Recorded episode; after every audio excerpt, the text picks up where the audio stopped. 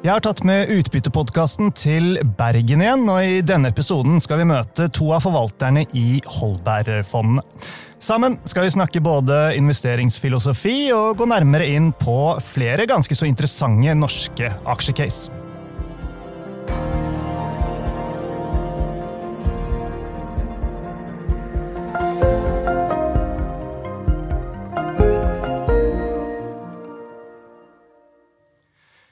Velkommen til eh, Utbytte, DNB-podkasten der vi forklarer hva som skjer i den globale økonomien og eh, finansmarkedene. Jeg er Marius Brun Haugen, og i dag er jeg altså i Bergen for anledningen. Og med meg i studio her ved DNBs eh, kontor i Solheimsviken har jeg forvalterne Robert Lie Olsen og Jørgen Müller fra Holbergfondet. Velkommen skal dere være, karer.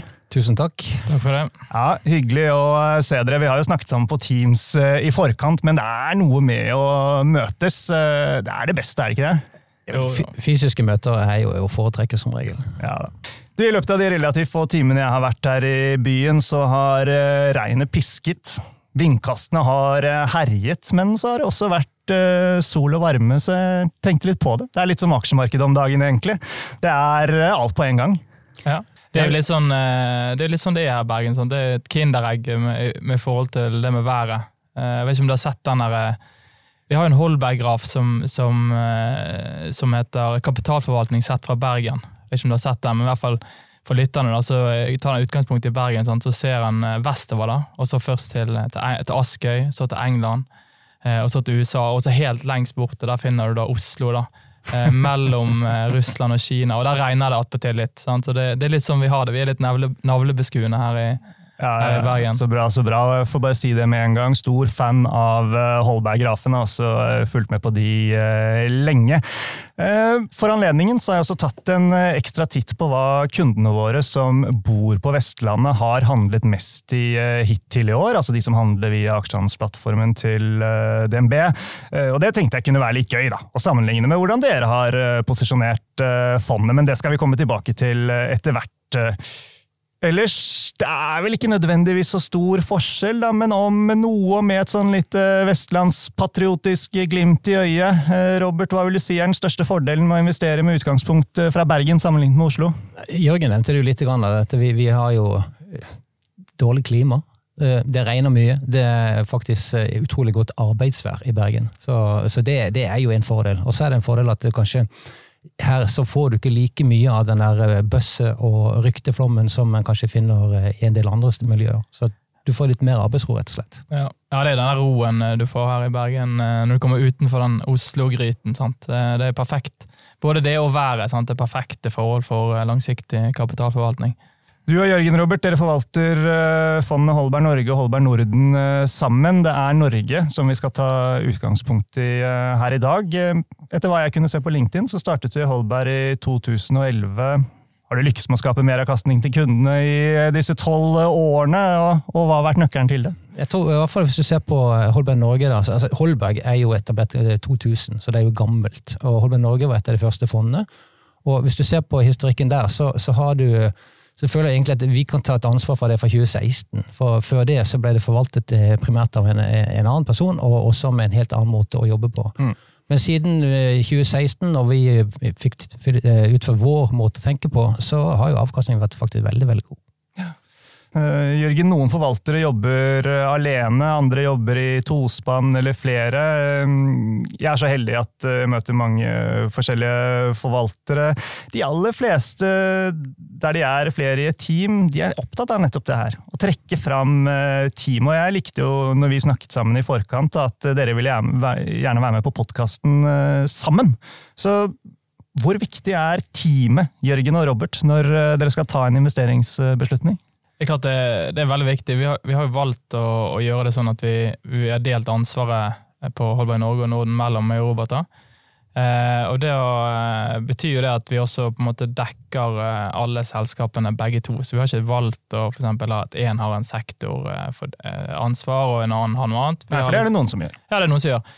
Eh, Men vi har bevisst eh, valgt å på en måte være eh, At begge to skal ha et syn på selskapene vi eier, at begge skal ha et perspektiv på det, og en egen modell gjerne også. Og det, da får du på en måte veldig gode, i hvert fall muligheter for veldig gode diskusjoner på hvert enkelt case. da. Mm. Men, og så er bakdel, som, bare for å si bakdel som du, som du kanskje også skjønner, er jo at vi må være enige begge to før vi gjør et, et kjøp eller et salg. da. For det skulle være oppfølgingsspørsmålet mitt. Altså, har det hendt at uh, dere kjøper eller selger noe dersom dere er totalt uenige? Nei, det har faktisk ikke hendt. Vi, vi må være på, begge to må være om bord for at vi gjør en, eh, en såpass stor endring. Uh, og, det, og det, kan vi, det, kan også være i forhold til hvis vi gjør en, hvis vi gjør en omrokering inni porteføljen, f.eks. tar opp et selskap, tar den opp i vekt, så er det typisk en, en diskusjon eller en avgjørelse som begge to må, må være med på. da. Men, men, hvis du skal si noe der, så er det jo også at det her handler jo ikke da om en halv prosent opp eller ned i en portefølje. Dette er jo egentlig et stort spørsmål om man skal ha selskap helt ut, eller om man skal ta selskap inn. Og, og, da, som vi kommer tilbake til litt måten vi tenker på, det gjør jo at, at vi unngår i hvert fall ganske mange konflikter. Mm. Mm. Du, på vei eh, fra hotellet så eh, passerte jeg forbi eh, Holbergstatuen.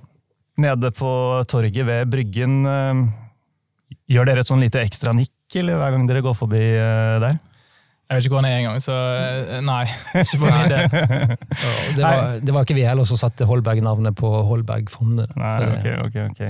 nei jeg, jeg, leste Store norske leksikon på, på, nettet at han Holberg han opparbeidet seg en eh, stor personlig formue, sannsynligvis mer gjennom pengeplasseringer og sparsommelighet enn ved sitt forfatterskap. Da. Men, men ok, vi får la det ligge. Enten det er inspirert av Holberg selv eller ikke, så opplever jeg jo at dere er veldig opptatt av kall det investeringsfilosofi. Da. Så Robert, kan ikke du fortelle oss litt om hvorfor dette er uh, viktig for dere, og, og, hva den går ut på? Jo, altså Det vi kanskje er eh, det vi er redd for, er jo egentlig å, investere et sted hvor du kan ha permanent tap av verdier. Så, så det er eh, det altså unngå de der store blemmene, det, det ønsker vi. Og så Samtidig så ønsker vi også å ha, ha en, det vi kaller en konsentrert portefølje. sånn at det, I og med at vi er to stykker som skal gjøre investeringene sammen, så er det begrensa hvor mange selskaper vi faktisk klarer å holde orden på. Så, så det ikke ha så mange baller å sjonglere med, og heller være da trygg på de investeringene du gjør, og ha en posisjon i porteføljen som er så stor at det faktisk betyr noe, og at ikke det bare er en liten parentes. Det, det er sentralt for oss. Og vi liker ikke å kombinere det vi kaller operasjonell giring med finansiell giring. Så at hvis du har eh, store variasjoner i inntektene, så skal du ikke ha også stor gjeld i tillegg. For hvis du bommer, så risikerer du å tape alt. Mm. Så det å ha en begrenset eh, størrelse på aksjene, antall aksjer i porteføljen, det er også en slags måte å kontrollere risiko på, er det sånn? Ja, det kan, det kan, du godt si, men det er liksom litt viktig at vi, altså vi er jo en aktiv forvalter. og, vi, og vi betyr, Det som betyr noe for oss, er jo at vi investerer i de selskapene som vi virkelig har troen på på lang sikt. sant? Eh, og ikke, ikke investerer vi i de fordi at de er en del av en indeks. Eh, sånn, vi har våre sparepenger der, og det er sånn vi tenker. Vi vil jo ha mest mulig avkastning på pengene våre, mm. og for kundene våre. Eh, sant? Når det ligger i bunn, så blir det litt sånn at eh, ok, da, da har man ikke sånn uendelig mange gode ideer heller. Eh, så det også ligger i bunn der med en relativt konsentrert eh, portefølje. Og da får du en litt sånn Vi har en ganske høy aktiv andel, så det er altså veldig lite overlapp med indeks. Og det er da mer egentlig et resultat av, av, hvordan vi har skrudd sammen porteføljen, mer enn at vi styrer mot å være en veldig aktiv forvalter på den måten. Investere i de selskapene vi liker. Mm. Og hvor mange aksjer har dere sånn cirka i porteføljen til enhver tid? Er det rundt sånn 20-25? Ja, akkurat nå er vi 24, så rundt 25 tror du, ja, tror du kan regne med at vi pleier, vil ligge. da. Mm. Hvor hyppig handler dere? Vi, eh, vi, gjør ofte handler internt i porteføljen. At du vekter noe litt opp eller vekter litt ned. Men det er sjelden det kommer en ny aksje inn eller det går en aksje ut. Ja, Hvor ofte skjer det? da? Altså, hvor, hvor lenge sitter dere på en aksje? Sånn? Det, det, vil jo være forskjeller her, selvfølgelig. men... Forrige gang vi gjorde en endring, det var jo i uh, oktober i fjor. Ja. Da tok vi inn en ny investering. Uh, vi har ikke solgt ut noen i, i år. Uh, og året før der igjen så gjorde vi to endringer. To ut og to inn. Så ja. det er ikke mye. Ja. Det, vært, det, har vært sånn i snitt ja, så du sier ett år siden. To, to ut og to inn, eller sånn to K i snitt de siste par årene. Men tingen er jo, hvis du sitter og ser på selskaper som over mange mange år har levert god avkastning, så, så har, er jo tiden med de en vesentlig faktor, og ikke det å prøve å time akkurat om du skal 5% opp eller 10% ned. Du skal tåle altså Vi er ikke redd for kursfall, vi er redd for det som er permanent tap av verdier. Det at du ødelegger verdier. Men så lenge du ser at selskapet gjør det du forventer, at du bygger, bygger verdier og, og, bygger forretningskonsepter, ja, men så ønsker vi å være med. Timing er vanskelig. Og Da får vi, da får vi liksom glede av den renters renteeffekten. Sant? For vi ser jo etter veldig veldig gode selskaper som over tid kan på en måte hele tiden reinvestere litt overskuddet sitt og vokse jevnt og trutt. Og da vil vi jo egentlig bare være eiere og la selskapene gjøre nettopp det. Sant? Skape verdier. Når vi snakket sammen uh, i forkant, så uh, sa jeg vel noe sånt som at ja, så snakker vi litt generelt om uh, markedet, og da opplevde jeg at da reiste, da reiste hårene seg litt. dette her med å se markedet fra et makroperspektiv og, og, hvor vi er i sykelen, be, betyr ikke det noe for dere? Altså, det er feil å si at det ikke betyr noe, for det, ligger jo på en måte bak der. Jeg tror det som er viktig å si, at vi, vi, vi er veldig sånn bottom up eller vi fokuserer på verdiskapingen som skjer i selskapene. Mm. Eh, og vi er helt overbevist om at den, den, lar seg eh, avlese, eller den kan analysere gjennom regnskapene over tid. Eh, og det vil være det avgjørende for våre investeringer. Ikke prøve å eh, bruke mye tid på å liksom spå rotasjoner eller makrohendelser kan påvirke den og den. Vi investerer gjerne veldig langsiktig. Og, og det litt, men det betyr ikke at vi er helt uh, uvitende i forhold til makro. Sant? Vi bruker det som et bakteppe. For eksempel uh, energieksponeringen vår. Den, den, er jo et derivat av at vi, vi også vet hva oljeprisen er. Sant? Vi har en tanke om hva oljemarkedet hvordan det kommer til å bli. Uh, men det, vi knytter det inn liksom, i en, en sånn bottom up-vurdering, hvis det gir mening. Ja, ja, ja absolutt. Og også klart altså med de rentenivåene vi har i dag, og, og, og med valutakursendringene. det er klart vi, vi, har modeller på selskapene, og, og, vi bruker selvfølgelig dagens input i å regne på sensitiviteter. Hvordan påvirker det det? Så vi følger jo med. Men, men igjen, altså, hvis du går inn i en vanskelig periode, så er det sånn at noen selskaper har evnen til å bruke vanskelige perioder til å bli sterkere. Og, og det er denne type selskap vi ønsker å eie.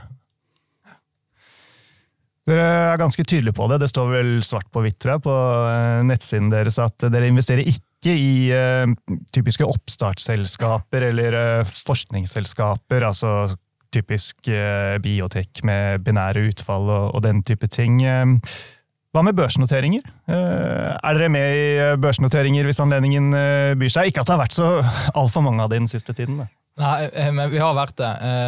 Det, jo, det tok jo helt fullstendig av der i 2020 og 2021. Det var jo vel 100 IPO eller noe sånt. Og vi var faktisk med på, på, på tre stykker. Og de, det er vel lov å si, ingen av de har gått så veld, veldig bra. Men, så det hender vi er med på det også, men ja. Vi sier ikke nei til det, men det, igjen, det er caset som er viktig. sant? Hvor, altså, det, om det kommer på børs, eller om det, altså det er caset som er viktig. Og så er det klart, De selskapene vi var med på, det er selskaper som har, vi, altså de har en historikk. De har vært operative i, i, i, flere år i forkant. Og de har inntjening, og de har også positivt resultat. Så, sånn at det, de kriteriene gjelder fortsatt. Så, men, men, det er jo det er jo ikke, det er jo ikke løye, det er løgn det at de tre investeringene vi gjorde der, de har vært dårlige. Nei, som jeg sa, Det har jo ikke vært mange børsnoteringer eh, hittil i år, eh, men det har jo vært eh, ja, noen få. altså Vi fikk jo Doff, nye Doff, restrukturert og i ny drakt på børs. og det slo meg når jeg kom hit til Bergen. ikke sant? Her sitter du jo tett på. Her ser du jo skipene, de kommer til kai og de seiler ut igjen. Og, dere er jo tett på, så jeg så ikke den i porteføljen deres. altså Hvorfor var det ikke med her? Du finner den på kredittporteføljen. Aha. Så på, på gjeldssiden så, så, er de med. Ja. Og da skal du aller helst ikke finne den i Holberg Norge, aksjeporteføljen. Ok, Skjønner. Eh, ellers, dere Det virker i hvert fall som at eh, dere holder dere ganske ofte unna de største selskapene vi finner på børsen, hvis vi måler i markedsverdi. Tenker på Equinor, DNB, Telenor, eh, Movi osv. Altså, frister ikke med denne type hva skal vi si, stabile og, og ikke minst likvide aksjer? Da må jeg korrigere det, egentlig, for, for det at AKPP Aker BP er den største investeringen vi har. Den er jo stor og veldig likvid. Ja, Orkla er en stor selskap, Storbrann er et stort selskap osv. Så, så, vi, så vi, vi, har, eh, vi har absolutt det også. men igjen, det er jo ikke størrelsen på selskapet som er viktig for avkastningen. Og det er det vi prøver å tenke på. Det er ikke størrelsen. Mm. Men likviditet, selvfølgelig. Vi må jo lage en portefølje, sånn at kundene, hvis de skal ha penger ut, de kan få pengene sine ut. Det er klart, det er vi nøye med. Ja. Men relativt lite shipping og laks også i uh, porteføljen. Uh, hva er årsakene til det? Ja, altså ship, Vi har vel Ennis Wilhelmsen, nå. den er litt annerledes kanskje. Men, men vi er generelt sett forsiktige med altså sy sykliske næringer med veldig mye Der du trenger veldig mye kapital for å operere. Shipping er jo et eksempel der. Vi har riktignok Subsea Seven også, men Eh, vi liker jo egentlig best liksom kapital, mer kapitallette modeller, da, eller selskaper som ikke trenger liksom å kjøpe veldig mye skip for å vokse. Eh, og så er, er, vi som Robert sa sted, vi er veldig forsiktige med den kombinere finansiell giring med operasjonell giring. Eh, og når du på en måte ikke er helt herre over inntjeningen din heller, du er avhengig av ja, et råvaremarked, for eksempel, så er det noe vi typisk eh, styrer unna. da. Laks er jo en litt mer interessant eh, greie, Robert, for der, vi, der, skjedde det veldig mye i fjor. Eh, nå er det noen år siden vi hadde laks i porteføljen. Jeg tror Austevoll gikk ut i 2018, var det vel. Og det er klart at Du fikk jo et ganske stort sjokk der i fjor med den eh, grunnrenteskatten når den kom, og vi har brukt ekstremt mye tid på å diskutere og hva skal jeg si, nesten investere i, i, laks, men vi har faktisk ikke klart å konkludere. Der har du det med team igjen. Eh, men vi har i hvert fall eh, ingen laks PT. Det er interessant. Eh, det ligger i utfordrerporteføljen, for å si det sånn. Det er de som er rett utenfor Holberg Norge. Ja, ja, det er riktig. det. Vi, alle, de laks, alle de store lakseselskapene har vi modeller på, og oppdaterer de minimum en gang i kvartalet. Minimum. Ja. Så, så ja. Bra. Ja, men, uh, interessant uh, å høre. Da har vi uh, fått litt om hvordan dere tenker rundt dette her med investeringene. Vi har hørt litt om hva dere ikke er investert i, så da må vi vel snakke litt om noen av de selskapene dere er investert i. Høres ikke det bra ut? Jo. jo. Og dere har noe dere kaller for jaktregler for å finne de riktige aksjene. Og dette her er jo selvfølgelig hovedsakelig en markedsføringsgimmick, da, men den falt meg til hjertet. Den, hvis du setter Eh, Holberg-navnet under hverandre.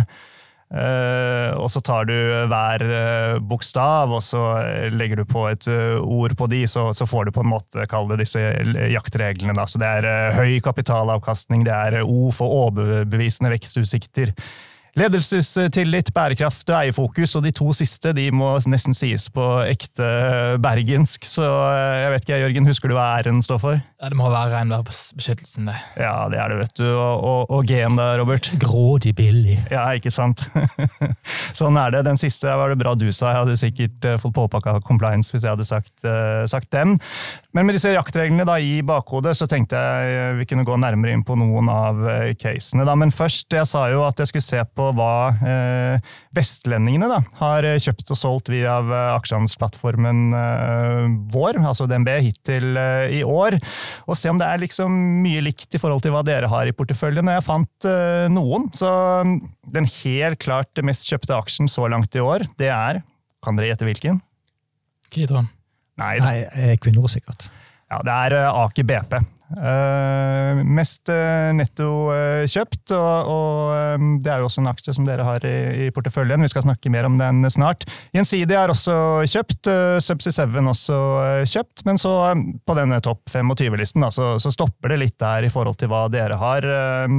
Vestlendingen har også solgt Aker Solutions, Orkla, Sparebank1 og Storebrann og Elmera, som dere også har i porteføljen. Da. Så, så litt forskjeller eh, er det, men det her kan være tilfeldigheter også. Vi skal ikke henge oss for mye opp i akkurat eh, det, men eh, snakke litt mer om noen av disse casene.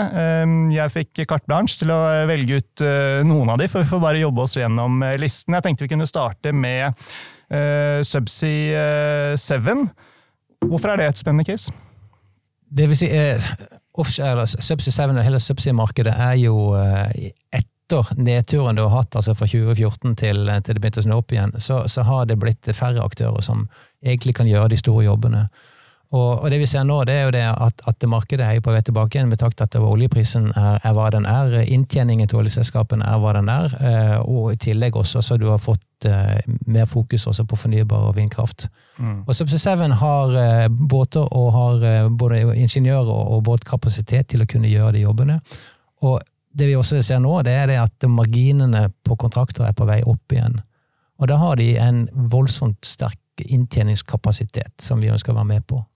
Men de har litt å bevise, har de ikke det? Altså, det er vel nettopp her noen av bekymringene hos en del investorer ligger. Nettopp rundt kall det marginpress og, og, risiko for kostnadsoverskridelse. De har litt å bevise uh, Subsea nå over de kommende uh, kvartalene og inn i neste år, har de ikke det? Jo da, og, og, sånn har det alltid vært i denne bransjen. Så hvis du ser tilbake på hvordan marginer er, så går det fra dårlig til veldig veldig bra. Uh, og det har vært gjennom en periode hvor det ikke var bra, og vi tror det er på vei inn til å bli gode. Mm. Så, så, nøkkelen her, kan du si, og det, det, som du sier, det vil alltid være, er å levere på prosjektene til avtalt tid og, og kost. Og da vil på en måte eh, tyngdekraften gjøre jobben for, eh, for aksjekursen? Ja, eh, og for det, at det er jo veldig cash-genererende når du først har, har gode prosjekter, så, så, er det veldig cash-genererende. Så cash-gilden til Subsea 7 er og kommer til å bli veldig bra. Ja. Som jeg tror veldig mange av lytterne våre vet, altså som forvaltere sitter dere på det vi kaller for buy-side, mens sell-side det er da typiske analytikerne pleier når vi snakker om forskjellige aksjer. Hvis analysetimet til DNB har dekning, å, ta med det. og Her så er de helt enige med dere. altså De har en kjøpsanbefaling på Subsea-aksjen, kursmål 180 kroner. Sendte nylig ut en oppdatering i en sånn årlig IMP spending-rapport som, som de pleier å, å, sende ut. Eh, den har vi snakket om i podkasten eh, tidligere. Men før vi slipper, Subsea 7 eh, nevnte dette med fornybar, som de også er inne i. Selv om kanskje det viktigste kan du si, er bakteppet med oljeprisen og det som skjer der. Fornybar, og særlig vind, sliter jo om dagen. Det er jo ganske åpenbart. Altså, er det noen mulighet der for at markedet undervurderer selskapets muligheter innen denne delen av, av businessen? Ja, det kan eh, selvfølgelig være, men de tok jo nettopp tilbake disse båtene som var inne, inne i Seaway 7-satsingen. Men det er liksom litt òg at du ser at inntjeningen, eller marginene, potensielt blir veldig, veldig gode innenfor tradisjonell eh, altså olje, olje og gassvirksomhet. Eh, og det betyr såpass mye mer i totalen.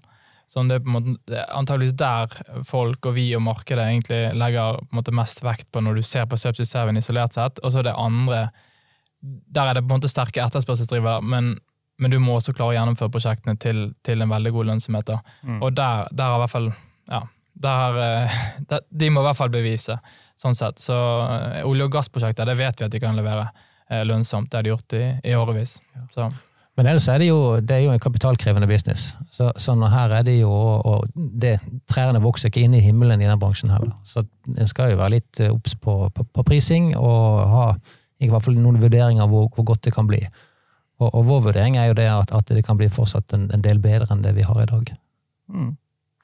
Sånn uh, generelt i forhold til uh, fornybare aksjer. Uh, jeg leste en artikkel i Finansavisen i 2019, også den lå på nettsidene deres. så Da tror jeg du sa noe sånt som at én ting er jeg sikker på. Det er ikke bærekraftig å investere i SG-aksjer uten å ha øye på prising. Har du holdt fast ved det? Ja, ja, men altså, det er jo ikke bærekraftig å ha en, uh, altså, ha en forretningsmodell som ikke genererer penger. Nei. Det, det, du, det går jo ikke opp over tid. Så, så det, der har vi jo vært hele veien. altså. Ja. Nei, Det blir spennende å se hvordan det går blant annet, med alt dette innen uh, havvind, men det skal ikke vi uh, synse mer om her uh, i dag. Aker BP tenkte jeg vi også måtte innom.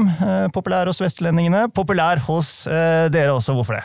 Ja, altså Aker BP har vi hatt, uh, hatt, hatt, lenge i porteføljen. og Nå er det egentlig vår største posisjon også, uh, over, godt over 9 um, Det vi alltid har likt med Aker BP, er at de, de har et veldig rendyrket fokus. Uh, de skal drive med olje og gass på norsk sokkel, maksimere det, gjøre det så godt som de kan, og så returnere pengene til, til aksjonærene. Sant? I motsetning til, til andre som du gjerne finner et mer todelt fokus på.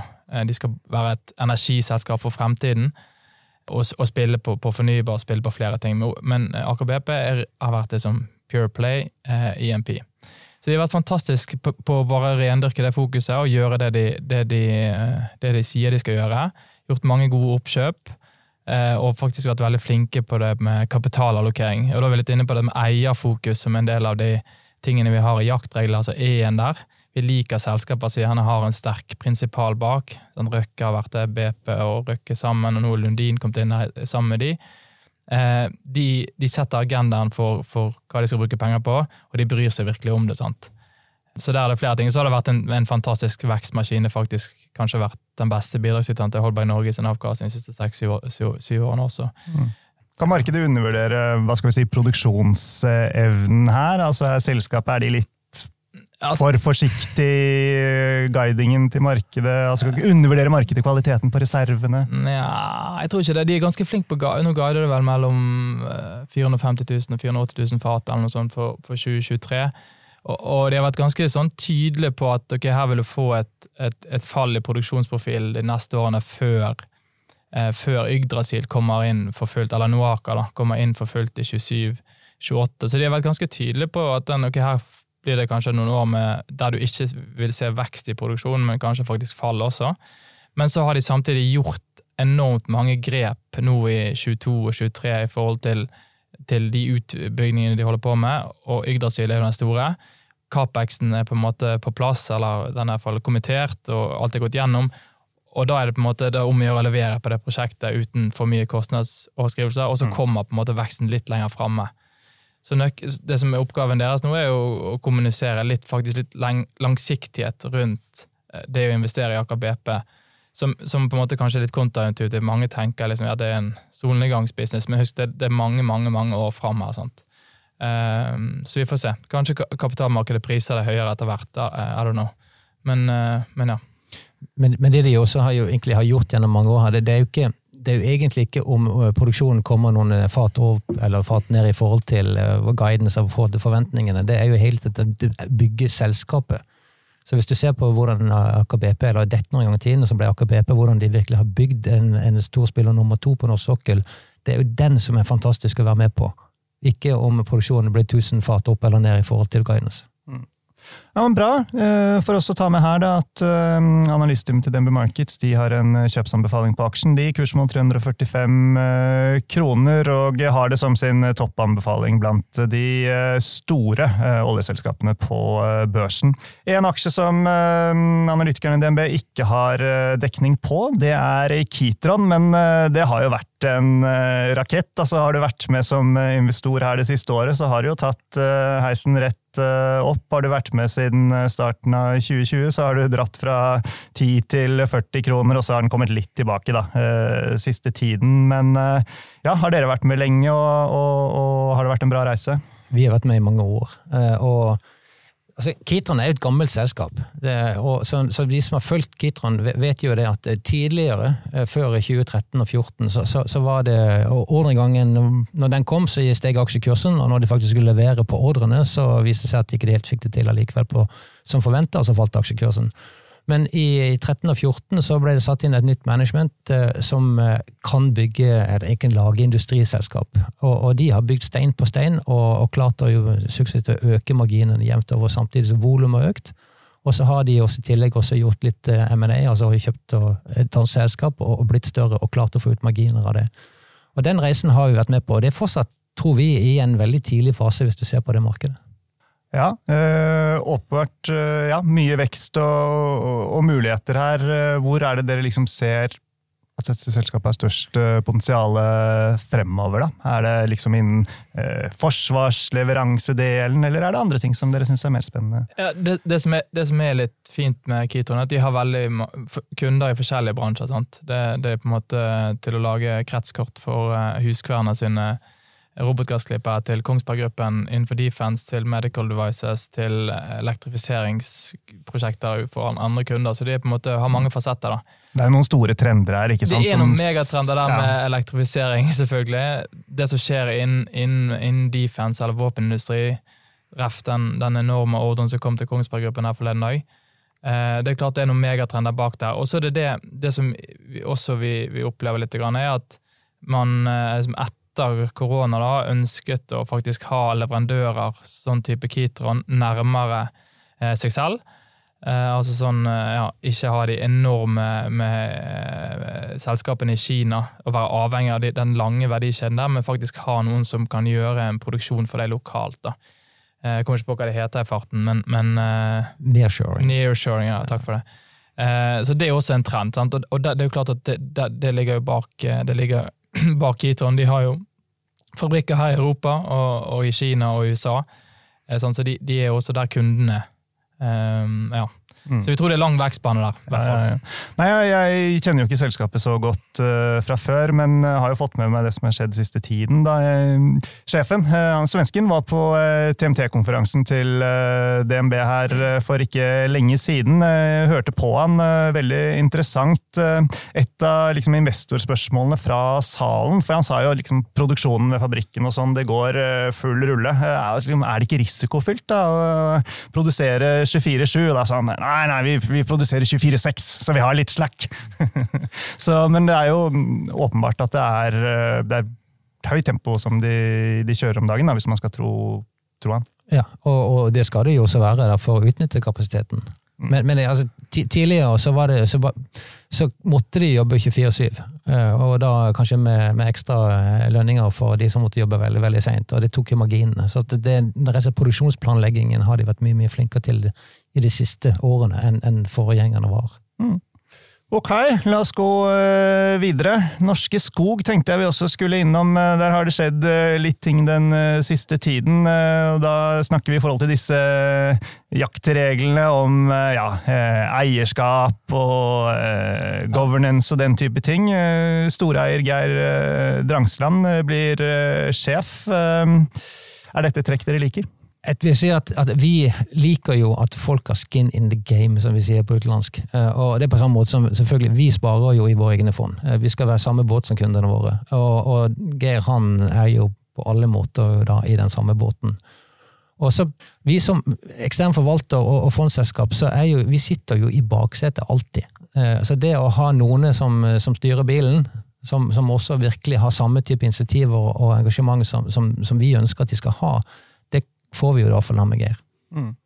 Jeg, jeg, altså, jeg, er helt enig. Jeg tror, jeg tror, det er bra, egentlig, faktisk. Eh, han har, han har jo vist at han har gjort det før også, eh, gjennom Bygma. Sant? Han har vært CEO og største aksjonær og passet, hatt med seg aksjonærer der også, så, så, så jeg tror det blir bra. Som du sier, han har skin in the game, i hvert fall. Mm. Men disse, skal vi kalle det litt typige sjefsbyttene, er ikke det et tegn på at alt ikke går på skinner? da? Jeg tror at uh, ja, altså han Tore Hansesæter som ikke hadde vært der 13 år, eller hva det var Jeg tror han hadde altså, jeg, jeg, tror kanskje han hadde bestemt seg for, å for en annen, han hadde, fikk en annen mulighet, eller hva som helst. Jeg tror ikke det ja, er noe som du kan lese ut av det. Nei, nei. Men vi har jo ikke vært med i de indre sirkler der. Så, så, du kan spekulere, men, men, men, vi har jo ingenting uh, å kunne si, bortsett fra det vi har sett i pressemeldingen. Mm. Hva er liksom den langsiktige investeringen her for dere? Er det mer etterspørsel etter emballasjepapp? Er det det som ligger til grunn? på en måte? Ja, Cash-generering på, på, på, avisene eller newsprinten der, og så er det jo den bygging av emballasjen som, mm. som skal gjøre at og Hvis du ser på inntjeningskapasiteten til Norske Skog i forhold til aksjekursen eller verdien på selskapet, så, så er det jo ganske formidabelt. Men er ikke dette sånn veldig syklisk? Altså, hva tilsier at de skal kunne øke marginer og ta seg bedre betalt uh, fremover? For avispapir så er det jo ikke fordi at markedet vokser, eh, men det er rett og slett det er en, en styrt avvikling, eh, sånn at det blir tatt ned kapasitet. Og, og Norske Skog har, har god, lav produksjonskost, sånn at de har en ok cashflow på det. Og så er det, Men på emballasje så er det jo helt alt det med netthandel som ting blir pakket inn i emballasje det er jo, det er jo fortsatt et vekstmarked over tid. Mm. Ok, jeg får ta med her at analysteamet til DNB Markets også her har en uh, kjøpsanbefaling på aksjen. Tenkte også vi måtte innom Elmera, for denne her har jeg lurt litt på. Um, aksjen har jo vært bra i år, men så har den jo slitt med, med sine utfordringer. Um, hva er det dere liker her? Ok, hvor begynner vi? Um Altså, Elmera, vi har vært investert der en god stund. Um, det er klart at uh, fra, dagens nivåer, med dagens prising, bare for å si det først, så ser vi en veldig veldig fornuftig oppside. Um, nå det, har vi vært gjennom en ganske sånn tøff periode, vil jeg si. En spesiell periode i strømmarkedet. Inntjeningen har jo falt veldig mye. Uh, det jo være, det, det har på en måte vært hoveddriveren for, for kursnedgangen, uten at vi trenger å gå, gå liksom altfor mye inn på det. Eh, men hvis du ser over liksom litt lengre tid, så har jo de faktisk vært, eller hatt evne til å være veldig veldig lønnsomme. Mm. Både innenfor konsumermarkedet, som markedsleder, og innenfor business-segmentet. Eh, og når vi investerte første gangen, så var det nettopp det vi så. Vi så på en måte de 15 for, foregående årene med 20-25 eh, egenkapitalavkastning og fornuftig vekst og konsolidering.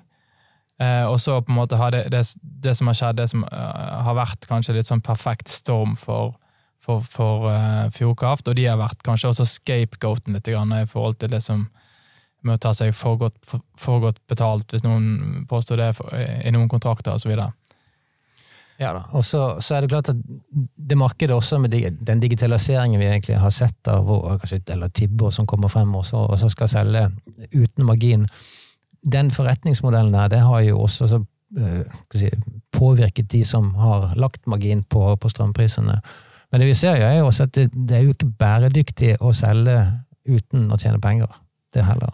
Så, så det er jo en liten endring i markedet. Men, men det må jo være forberedt på at marginen mot, uh, mot, konsumenter kommer til å skulle sikkert være lavere fremover enn den har vært før. Uh, på prismarkedet så har marginen egentlig holdt seg helt fint. Ja.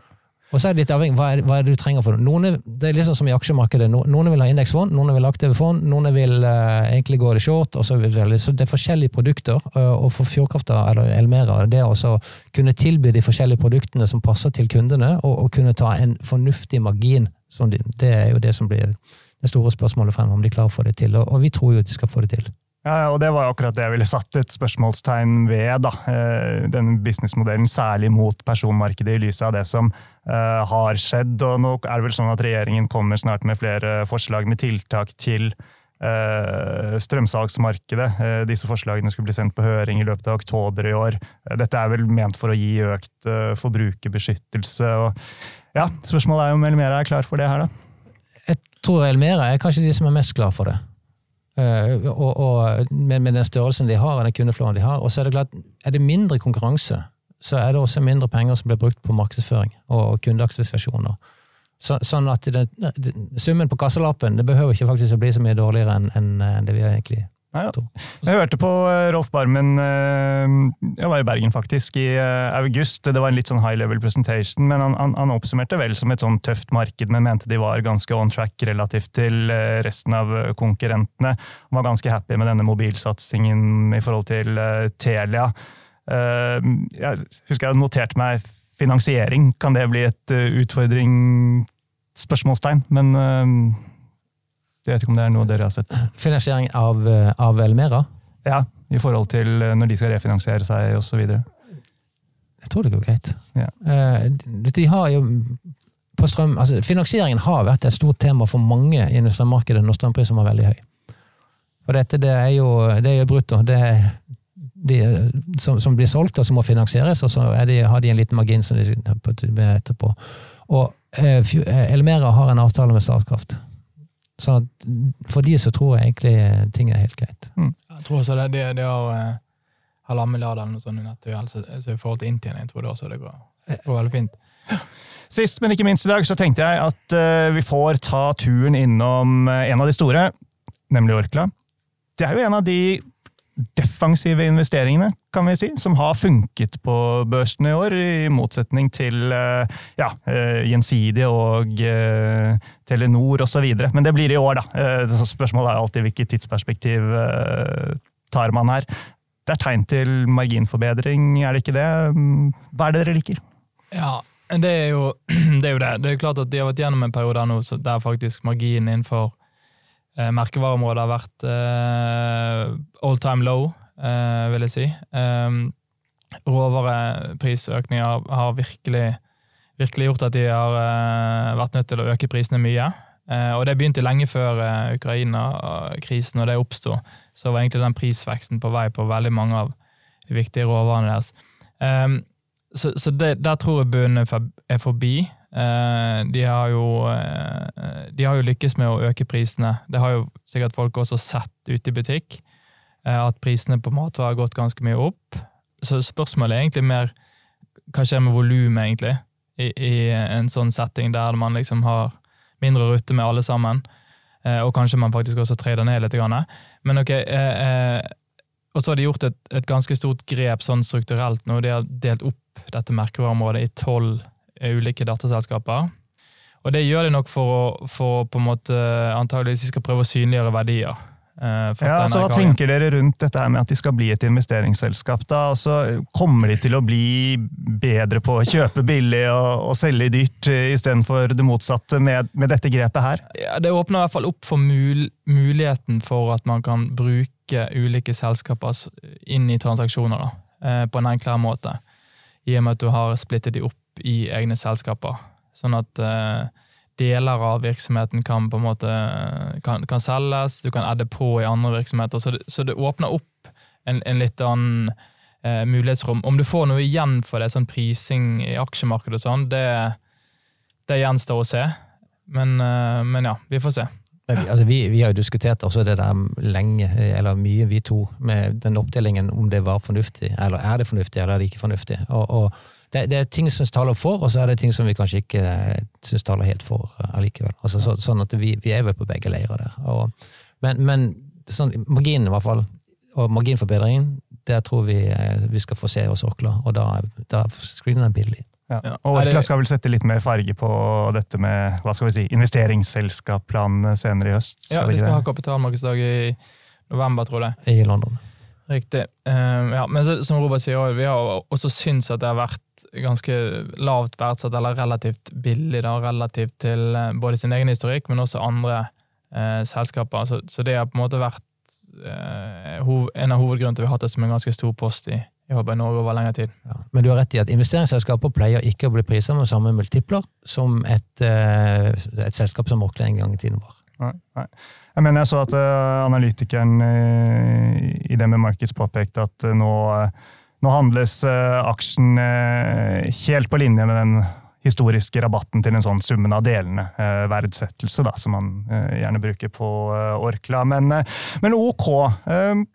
Karer, jeg syns det har vært kjempehyggelig å snakke med dere. Så tusen takk for at eh, dere tok dere tid til å komme hit til eh, Solheimsviken og gi oss en, eh, en, oppdatering. Ja, Tusen takk for det, at vi i Holberg fikk lov til å komme der. Og også til spørsmål til dere. altså Holberg fond er jo også tilgjengelig via DNB sine nettsider, er ikke det? Jo da, det er de helt uh, klart. Så det er bare å gå inn på plattformen, og så finner man mer informasjon uh, der. Veldig bra, det. Med det så uh, runder vi av for uh, nå, så det gjenstår det bare å si uh, tusen takk, folkens, til alle dere som hørte på.